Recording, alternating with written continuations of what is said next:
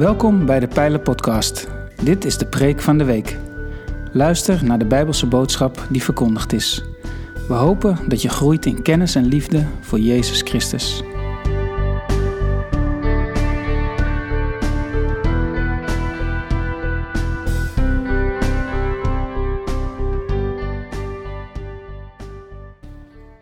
Ik ben Rico en ik, eh, ehm, het is eh, mooi om weer eens eh, terug te zijn in een kerk. Dat ben ik niet zo heel vaak. Mijn werk speelt zich vooral af in het publieke domein. of dat nou met, met kunst is of met activisme. Soms bij de radio is het nieuws doornemen. En dan kijken of je daar vanuit christendom weer iets over kunt zeggen. Dat is mijn werk. Maar dan is het heel fijn om op zondagochtend weer even bij jullie te zijn, samen te zijn, te zingen te mogen preken. Zoveel tijd krijg je meestal niet bij de radio. Drie minuten is dan al heel veel. Um, dus dat is heel fijn. En uh, nog fijner was het toen ik hoorde van... zou jij de serie uh, Passie voor Recht willen openen?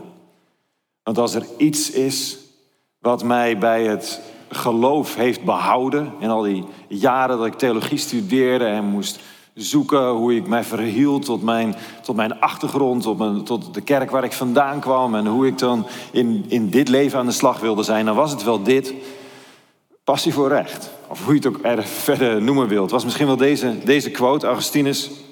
Uh, tenminste, ze zeggen dat deze quote van Augustinus is en ik hoop het.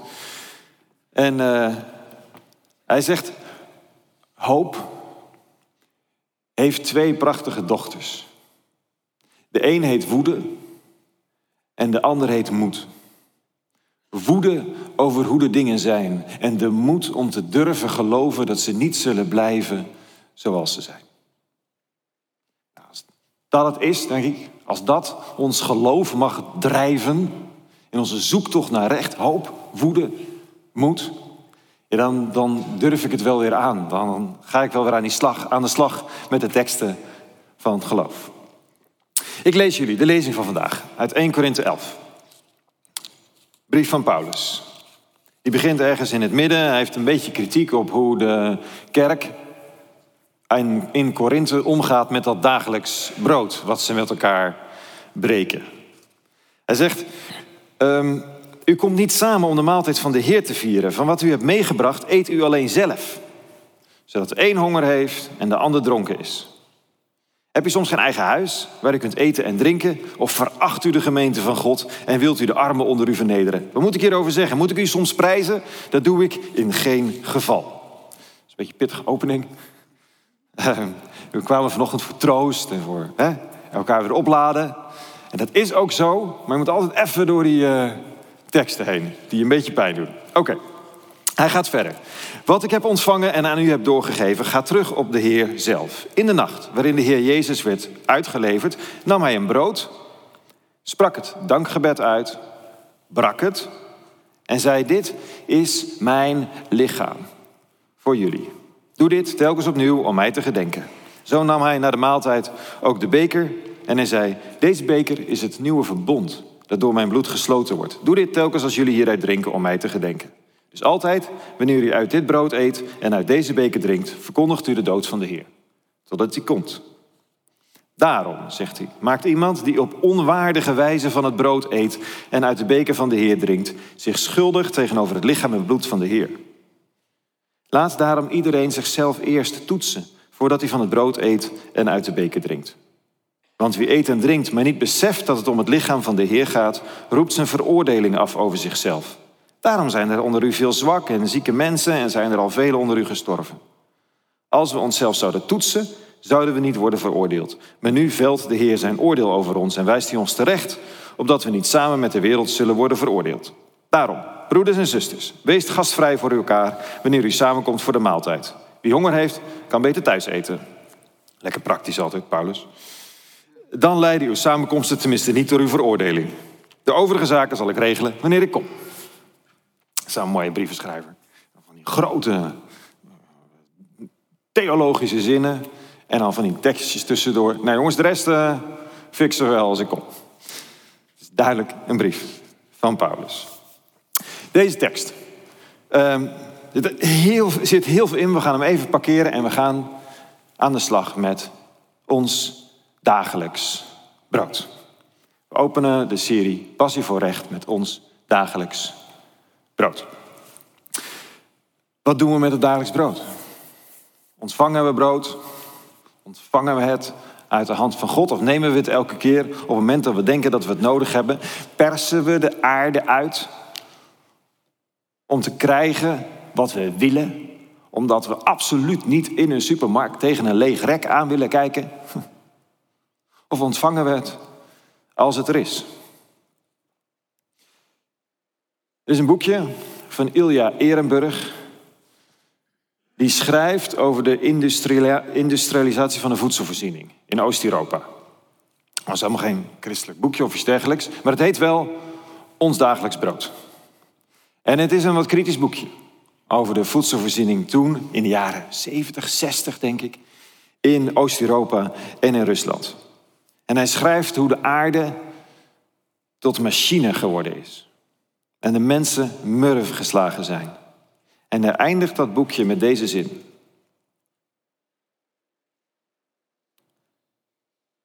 Waarom zouden ze erom vragen? Om dat brood. Niemand geeft het hun. Ze moeten het stelen of sterven. De lichten van de stad gaan uit, de ochtendnevel komt op. Om de steden heen ligt bouwland. Die aarde die de mensen vroeger moeder noemden, waar ze dode mensen en levende graankorrels in legden. De aarde is met nevel bedekt en zwijgt. Ze is in stukken verdeeld, in landerijen, in hectare. Afscheidingen en grenzen doorsnijden haar. En voor die aarde staan de mensen klaar om elkaar dood te slaan. Op die aarde groeit graan, maar niemand heeft het nodig. De mensen spelen het niet klaar om dat graan te verdelen. Enkele sterven van overvloed, anderen hebben geen korstbrood. De zon gaat op, een roze licht doorglanst de nevels. Een nieuwe dag begint. Maar hij brengt geen blijdschap en geen rust. De aarde is vervloekt. Het werk van de mens is vervloekt. En vervloekt, driemaal vervloekt is het dagelijks brood. Zo'n boekje dat als dat zo eindigt, je hem dichtslaat en nog even zo voor je uit zit te staren. En denkt zo, het is een heel dun boekje. Het zijn maar een paar bladzijden. Maar hij doet wel pijn. Het is iemand die gezien heeft hoe we omgaan met ons dagelijks brood. Enkele hebben veel meer dan ze ooit op zullen kunnen. En velen sterven van de honger. Dat is de vervloekte manier, zegt Ilja, waarop we omgaan met ons dagelijks brood. En als Jezus zich aanprijst, dan zegt hij niet, jongens, ik heb een beter voedselsysteem voor jullie. Ik heb een betere manier van verdeling. Als er nou eens een uh, wereldwijde verdeling opzetten die wel klopt, dan zullen we uiteindelijk misschien samen voldoende eten en drinken hebben en komt het goed en is alles eerlijk verdeeld. Jezus zegt anders. Hij zegt, ik niet, hij zegt niet, ik lever het dagelijks brood. Hij zegt, ik ben.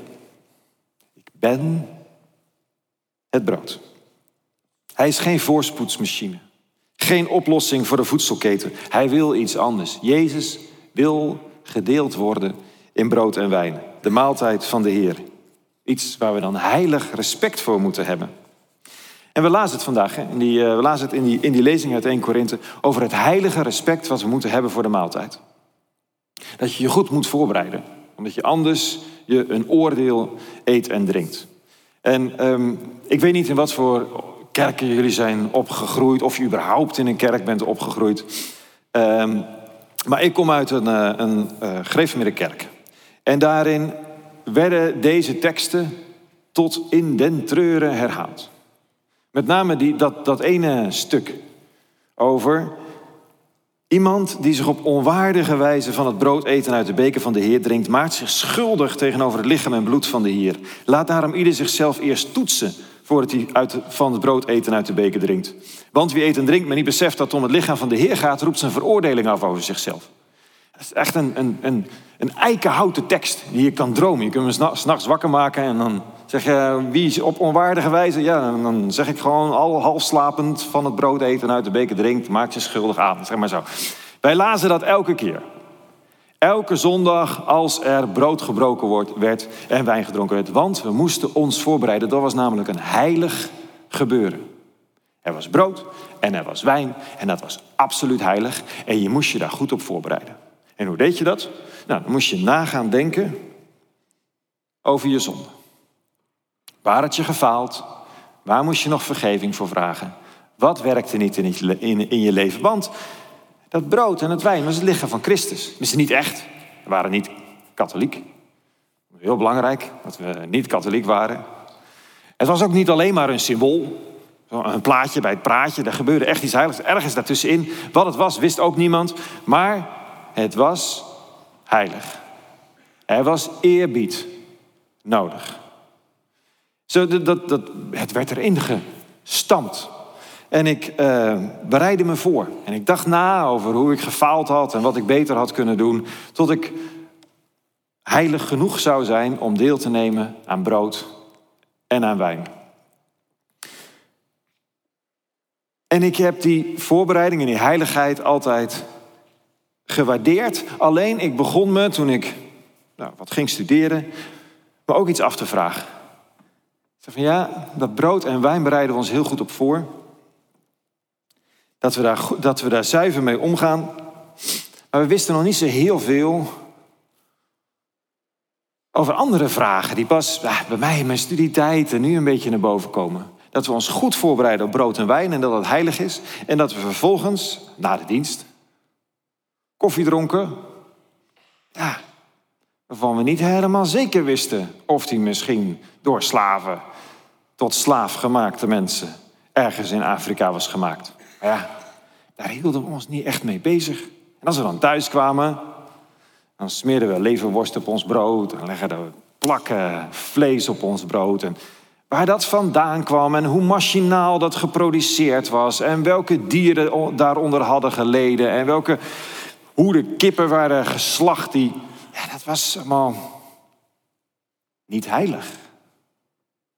Minder belangrijk. Brood en wijn, dat was heilig. En daar moest je je spiritueel op voorbereiden. Was eigenlijk in Amsterdam, toen ik begon te werken, begon ik daaraan te twijfelen. Aan de redenen waarom dat brood zo onbezoedeld moest zijn. Waarom moest het ook maar een klein brokje brood zijn? Een klein vierkantje. Dat, eh, ge- er, zat, er zat geen korst aan, hè? Bij ons. Hier zie je een paar mensen dat herkennen. Maar dat was zo gesneden dat het ergens nog wel herinnerde aan brood. Maar al het aardse was er vanaf. Toch? Het was vierkant. Het werd dan gebroken, maar ja, ja, goed. Het was een soort lange reep. En dan waren het brokjes. En dan, nou, bij onze, onze broeders de katholieken was het helemaal onherkenbaar. Was het een soort rondje geworden, waar je zo doorheen kon kijken. Maar er was heel weinig van de aardsheid van het brood overgebleven. En de wijn? Nou, Paulus zegt hier, sommigen die hebben dorst en anderen zijn dronken. Nou, hier kon je van het slokje, kon je echt niet dronken worden hoor. Moest je heel hard je best doen. Of totaal onthouden geweest zijn het hele leven. En dan voelde je het misschien ergens heel licht. Dus ergens, ergens ging iets mis tussen de situatie van Paulus en de situatie van ons. De voorbereiding die Paulus vraagt en de voorbereiding die ik geleerd had als kind. Ergens ging iets mis. De een ging over spiritualiteit, heiligheid, in het hoofd, in de ziel. En Paulus, die ging misschien wel over iets anders. Dus ik begon die context een beetje te lezen. En dan lees je dat Paulus woedend is over het feit dat zij hun eten niet eerlijk verdelen. Ik dacht, hè? Eten eerlijk verdelen, dat doen we nooit in een kerk. We zijn niet in de viering. We delen dingen met elkaar, hè? Superbelangrijk. We zijn een gemeenschap. Supergoed. Maar in de kerkdienst, er valt niks te delen. We zijn hier aan het zingen, aan het bidden en aan het luisteren naar een verhaal. Ja, vind je het gek dat we die tekst dan niet lezen? En ook wel niet, niet onlogisch dat we dat stukje van die context er dan uithalen. Want dan gaat opeens die tekst niet meer over ons. Dan gaat het over mensen die aan een tafel zitten. Nou, dat zijn we niet. We zitten in een kerk. Heel belangrijk. Maar Paulus schrijft over iets anders. Over een maaltijd. En die maaltijd gebeurde over het algemeen toen in het huis van de meest welvoorziene mens uit de gemeenschap. Want die had het grootste huis. Dus daar kon de grootste tafel in. Kon iedereen aanschuiven. En al die vieringen gebeurden rond de gedekte tafel. In het midden, ja, daar zat de eigenaar natuurlijk. De eigenaar van het huis met zijn vrienden. Nou, en dan kwamen de mensen die redelijk goed bevriend waren met die eigenaar, die kwamen redelijk op tijd. Die schoven aan. En dan helemaal aan het eind druppelden de mensen binnen die niet zeker wisten of ze ook wel van de partij mochten zijn. En die zaten dan aan de uiteinde van de tafel. In het midden werd gegeten. En af en toe werd er zo wat links en rechts gedeeld. En de schaal werd doorgegeven. Er werd iets afgenomen, de schaal werd doorgegeven, er werd iets afgenomen. En tegen de tijd dat je aan het eind van de tafel kwam, zat er niet zo heel veel meer op die schaal. En ja, maar ja, goed, hè, je was ook aan het eind van de tafel en je was arm, dus ja, je moest het een beetje doen met de kruimels. Dat was de boodschap. Dat was de boodschap. En Paulus wordt woedend. Als dit het is, als dit je viering is, doe het dan in Gods naam niet. Zo scherp. Hou dan maar op. Duw die tafel de kerk uit en het brood en de wijn. Dan doen we het maar niet. En is dat omdat hij vindt dat we moesten ophouden met samen eten? Nee, omdat hij woedend is over de manier waarop het eten wordt verdeeld. Hij zegt, bereid je voor. Bereid je voor en, en, en besef wat het lichaam van Christus betekent. En het lichaam van Christus was geen abstracte entiteit die in zo'n stukje brood zat verstopt. En die we dan heel heilig moesten snijden. Zodat het een soort van weerspiegeling was van die heiligheid. Het lichaam van Christus zat niet in dat brood. Het lichaam van Christus waren die mensen die om die tafel zaten. En we hebben het niet gezien. Zij hebben het niet gezien. En wij hebben er steeds ook nog een beetje moeite mee. Maar dat je dus nooit het kunt, kunt bedenken dat in dat centrum er zomaar geschranst mag worden en aan het eind van de tafel er opeens geen eten meer hoeft te zijn. Je hebt dan niet beseft waar je mee bezig bent, wat Christus kwam doen, wat het hele idee was van het evangelie. Dat het ging over, jawel, eten en drinken. En natuurlijk zoeken we verlossing. En zoeken we uh, zielsvervulling en opladen in onze geest. En al die termen die erbij horen. Paulus zegt, verdeel je eten eerlijk. Dat is je goddelijke opdracht. Ik zie een paar mensen denken van ja, dat is goed voor de bij. Nee, dat is de kern. De kern van deze viering. Daarom zegt de jongens, jullie hebben echt een probleem. Als je dat niet doet, dan worden mensen ziek, er worden mensen zwak, er worden mensen misselijk, er gaan mensen dood. Het is niet oké, er gaat iets mis in jullie gemeenschap, omdat je het lichaam niet onderscheidt. En het lichaam niet onderscheiden betekende niet dat je het brood niet goed kon zien. Het betekende dat je de mensen met wie je aan tafel zat niet zag. Het evangelie is aards. Altijd. Het gaat altijd over deze wereld. Het is hemels, zeker.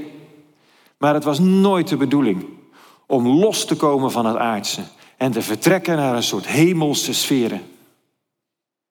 Het was de bedoeling dat hemel en aarde elkaar zouden raken. Als je in die oude Joodse tempel kwam, dan was er de hemel afgebeeld en alles van de aarde afgebeeld. En dat samen vormde dat paradijs, die hoop, dat verlangen. Dat hemel en aarde elkaar raken, dat het weer even klopt. En dat je dat kon voelen en dat kon proeven en dat kon ervaren in de manier waarop mensen met elkaar omgingen. Het evangelie is niet hemels. Het is aards. En in dat aardse breekt dan de hemel door. Met zoveel liefde heeft God de aarde voortgebracht. En hij zoekt daar weer verbinding mee. En het is geen nieuwe tekst. Niet eens oud.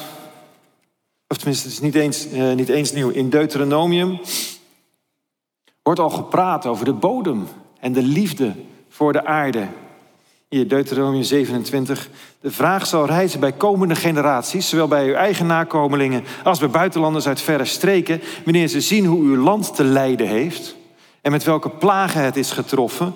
Er staat, heel de bodem is door zwavel en zout vergiftigd, zodat zaaien geen zin meer heeft en er helemaal niets wil groeien. En dan, en dan rijst de vraag bij de volken, waarom behandelt de Heer dit land zo?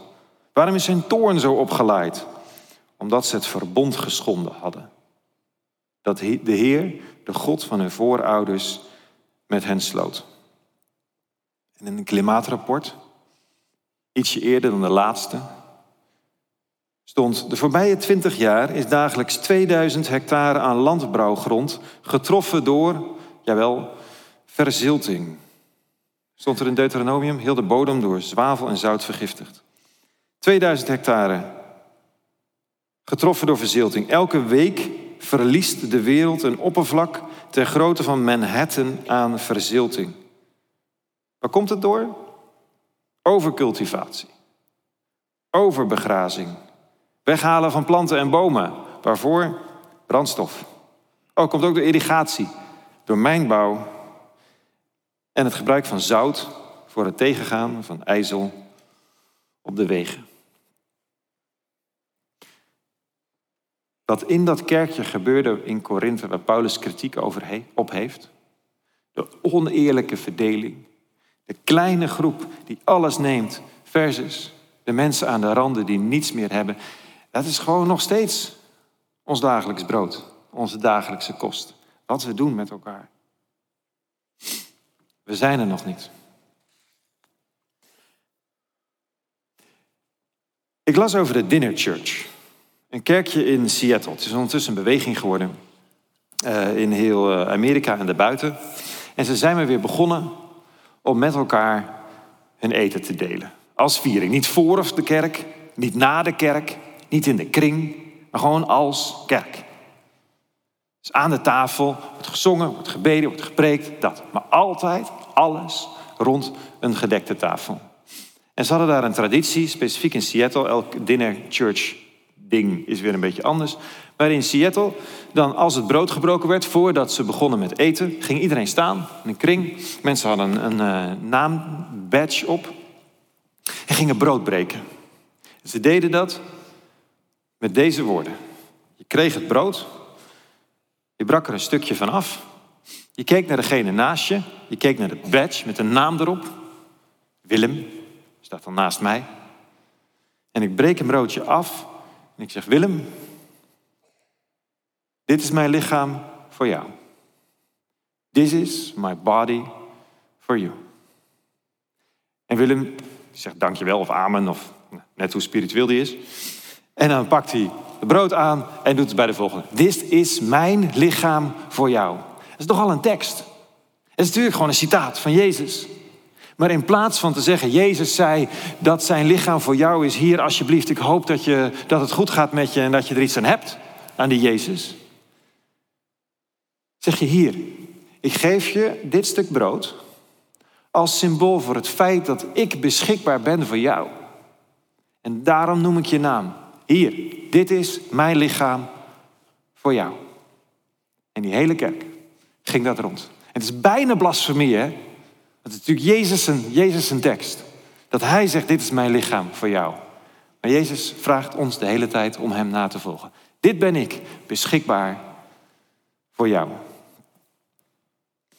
En ik ben uh, zelf de afgelopen jaren begonnen met een uh, initiatief aan de randen van Europa, waar vluchtelingen teruggeknuppeld worden door Europese grenswachten en zich schuilhouden in, in, in tentjes, in de bossen en in lege, lege huizen.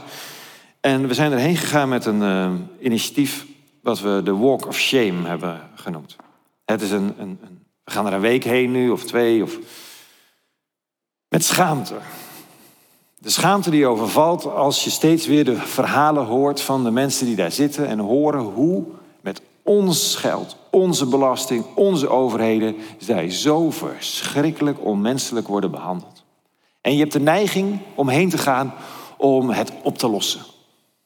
Om uh, flesjes water te delen of uh, eten te brengen of wat dan ook.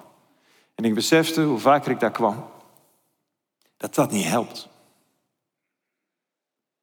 Dat heel vaak dat geven van eten en drinken en hulp een manier is om je niet zo ongemakkelijk te voelen bij het probleem. Je denkt, zij hebben het ellendig, ik voel me daar ellendig over, dus ik ga hulp bieden. En ik ga iets geven en dan hoop ik dat ze dankbaar zijn en dan voel ik me weer ietsje beter. En dat is ongelooflijk belangrijk. Tegelijk kan ik nooit geven wat ze echt nodig hebben. Zij zouden geen water nodig hebben en geen eten nodig hebben en geen kleren nodig hebben waarvan ik denk, oh die zijn over hier alsjeblieft. Ze zouden het niet nodig hebben als iemand hen een plek gaf om zelf een bestaan te ontwikkelen. Dus het feit dat ik hen iets overhandig, is eigenlijk een bevestiging van een onrechtvaardig systeem. Het klopt niet. Er moet iets anders gebeuren. En ik wist niet wat. Het enige wat we zijn gaan doen, is gewoon bij de mensen langs. En zeggen: hé, hey, uh, hier ben ik. Ik weet het ook niet. En wat er gebeurt, is dat mensen je altijd uitnodigen. Kom, kom zitten, eten. Wij, wij, dan beginnen ze rijst te koken en, kip te bakken. En Pakistani kunnen dat fantastisch. Echt, de meest briljante biryani wordt gemaakt op vuurtjes in het bos, in Bosnië. Uh, brandend op plastic en hout en rook en chaos. En een fantastische maaltijden maken. In een ongelooflijk warme omgeving en je wordt welkom geheten. Omdat je komt met lege handen. Kom, schuif aan. En wat er even gebeurt, is dat in plaats van dat ik weer hier vanuit mijn rijkdom iets geef aan de mensen, aan het uiteinde van de tafel, kom ik vanuit mijn midden, komen wij vanuit ons midden naar de zijkant van de tafel en zeggen: Jongens, we hebben er een bende van gemaakt. En het spijt me. En ik weet nog niet hoe ik het op moet lossen. En aan de rand van de tafel maken ze dan een vuurtje en beginnen ze thee te koken. Dan zeggen ze, schuif aan, wil je met ons? En natuurlijk neem je dan een thee aan. Je hebt het lef niet om het te weigeren. Hoe goor de beker ook is waar je, waar je het uit krijgt. En er gebeurt iets. Er ontstaat een verandering. Opeens zijn die mensen weer een heel klein beetje thuis. Is het weer heel even alsof ze in Egypte zijn, de plek waar ze woonden, en gasten ontvangen. En even zijn de rollen omgekeerd. Waarom? Omdat ik omdat wij niet langer deel wilden nemen aan een systeem van onrechtvaardigheid, van top-down. En maar aanschoven en zeiden: Dit is het werkelijke verhaal. Wij kunnen niet geven wat je echt nodig hebt. En het spijt ons. En opeens delen zij met ons. En zijn we even samen. En dan staat er even weer een gewone menselijke verhouding en vriendschap. Voor het leven soms. Beschikbaar zijn. Jezus die nam het brood, brak het en zei: Dit is mijn lichaam voor jou. Hij brak zichzelf in stukjes, zodat zijn leven ons voedsel kon worden. Hij schonk zich uit in glazen, zodat wij dat wat hij was konden indrinken en dat dan zijn. Onszelf in stukjes laten breken. Ons hart laten breken over de onmacht die we voelen om het anders te doen. En het erkennen dat het niet klopt. En dat elke quick fix een manier is om even te ontsnappen aan het probleem. Weer een technologische oplossing. Het komt wel goed met het klimaat. We verzinnen wel een techniek. Nou, we hebben gezien wat de techniek heeft gedaan de afgelopen tijd. Eerst is er de erkenning van de schuld. Van het feit dat we gefaald hebben en dat we dat nog de hele tijd doen. En dat is een super ongemakkelijke waarheid. En het gaat niet meer over, och, laat ik even op zoek gaan naar mijn zonde, zodat ik vergeving kan vragen en aan de, aan de maaltijd mag. Maar het besef dat we met elkaar als mensheid niet in staat zijn om ons eten eerlijk te delen. En het besef van onmacht, dat is de tweede. Dus instappen één is te erkennen van schuld en een gevolg. En twee is het besef dat we het niet kunnen als mensen. Er is net weer een IPCC-rapport verschenen weet niet je het mee hebt gekregen, maar het grote klimaatrapport. Die zegt als we nu nog stoppen met de uitstoot van CO2, Dan komt het nog goed, dan kunnen we het tij nog keren, dan kunnen we nog de anderhalve graad behouden met uh, opwarming. Maar iedereen die even drie keer nadenkt, zegt ja, maar nu stoppen, nu stoppen, is er ook maar enige indicatie dat we met z'n allen opeens nu gaan stoppen. Erkennen en het besef van de onmacht. We kijken naar de oorlog in de Oekraïne. De graanschuur van de wereld die wordt gebombardeerd. En we staan ernaast in onmacht. En daar is God. Daar is Christus. Naast ons. In de onmacht. In het durven lijden aan de wereld. In het durven lezen van Ilja Ehrenburg. Ook al zegt hij vervloekt, driemaal vervloekt in ons dagelijks brood. In het erkennen van de pijn. Het klopt niet. En ik zal dat blijven zeggen, ook al is het ongemakkelijk. Daarom vormen we een gemeenschap. Omdat in je eentje die onmacht niet uit te houden is. Samen. Erkennen van schuld, besef van onmacht. Aanvaarden van wat Christus geeft. En wat is dat? Nou, steeds weer een oefening. Steeds weer een tafel neerzetten. En zeggen, hier gaan we het in elk geval even proberen. Om er alvast aan te beginnen, aan die eerlijke verdeling.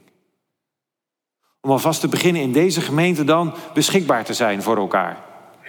En vanuit deze gemeente dan misschien ergens iets te betekenen voor mensen ver weg. En dan niet door wat we hier over hebben naar het einde van de tafel te gooien en zeggen: jongens, succes ermee. In de Oekraïne, of de, de pakhuizen aan de grenzen van Polen staan vol met onbruikbare kleding. Omdat we het zo ongemakkelijk vonden dat zij het daar zo moeilijk hebben dat we onze klerenkast daarheen hebben getransporteerd. En er zit zoveel liefde in. Maar we horen er zelf te zijn, verbonden.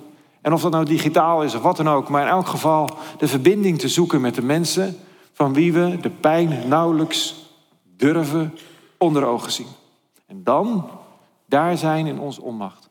Daar is Christus en is steeds weer opnieuw een begin. Al is het maar een Pakistaanse jongen die zegt,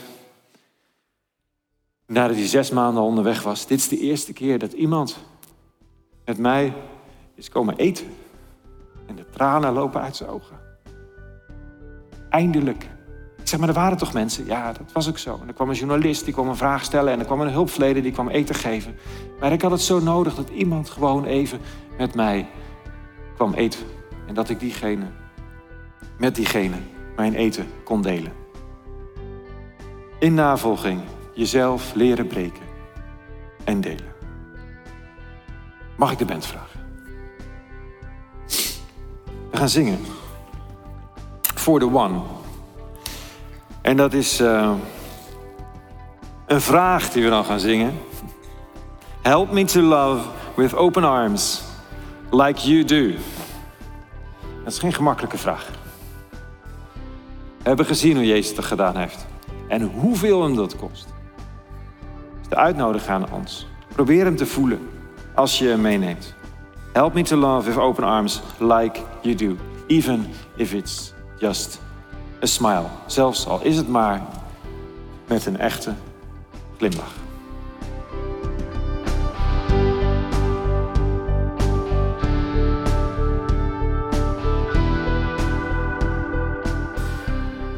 Bedankt voor het luisteren naar deze aflevering van de Pijlen Podcast, Preek van de Week. Heb je vragen naar aanleiding van deze preek? Stel ze. Dat kan via een e-mail naar onderwijs.pijler.nl. We helpen je graag verder in je groei als leerling van Jezus Christus. Abonneer je op deze podcast, zodat je altijd op de hoogte blijft van het onderwijs uit de pijler. Goede week gewenst, ga in vrede, want God is nabij.